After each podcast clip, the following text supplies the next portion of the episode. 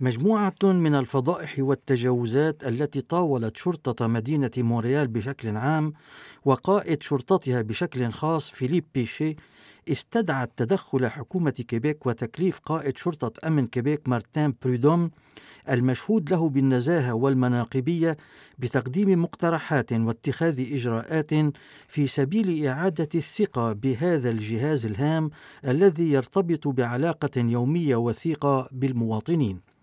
وبعد شهرين ونصف من تعيينه قائدا مرحليا لمدينة مونريال أعلن مارتين بريدوم عن اقتطاعات في الإدارة العليا عبر إلغاء ثمانية وظائف للكوادر أو في القيادات العليا. وبناء على هذا الإجراء فإن فريق إدارة جهاز شرطة مونريال لم يعد يتضمن سوى ثمانية كوادر من أصل 12 ضابطا واعتبارا من الآن فإن إدارة شرطة مدينة مونريال تضم أربع إدارات فقط أي مديرية التحقيقات الجنائية والدرك والخدمات الداخلية ومديرية الأنظمة المهنية. هذا التعديل في البنى التحتية التنظيمية يهدف لتحسين بنية الخدمة التي يعتبرها مارتين بريدوم ثقيلة ومعقدة. وعرض مارتين بريدوم الخطوات التي قام بها وما ينوي القيام به لاستعادة ثقة المواطنين نحو شرطة موريال وخدماتها. ويعتزم بريدوم اتخاذ إجراءات جديدة للترفيع الداخلي على أن يكون جديا ونزيها وشفافا.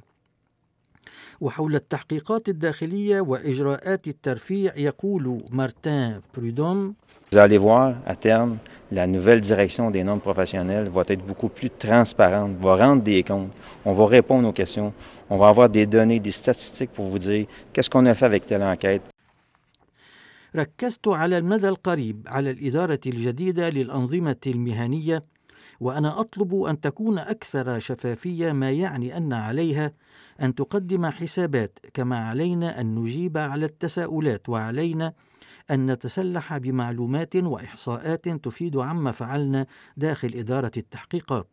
وكان بريدوم قد عرض استراتيجيته المتعلقة بإعادة تنظيم جهاز الشرطة التابع لمدينة موريال أمام لجنة الأمن العام للمدينة ومن بينها الإجراءات التي دخلت حيز التطبيق حسب تقرير القاضي المتقاعد بوشار والمتعلقة بشكل خاص بالتحقيقات الداخلية ويعتزم مارتين بريدوم تخفيف ثقل فريق الإدارة وهو يقول بهذا الخصوص Mon équipe de direction, qui était composée de 11 cadres, et présentement, l'équipe, dans les prochaines semaines, va être composée de 4 cadres. فريق الإدارة الذي كان مكونا من أحد عشر إداريا أو ضابطا سيكون في الأشهر والأسابيع المقبلة مكونا من أربعة إداريين فقط.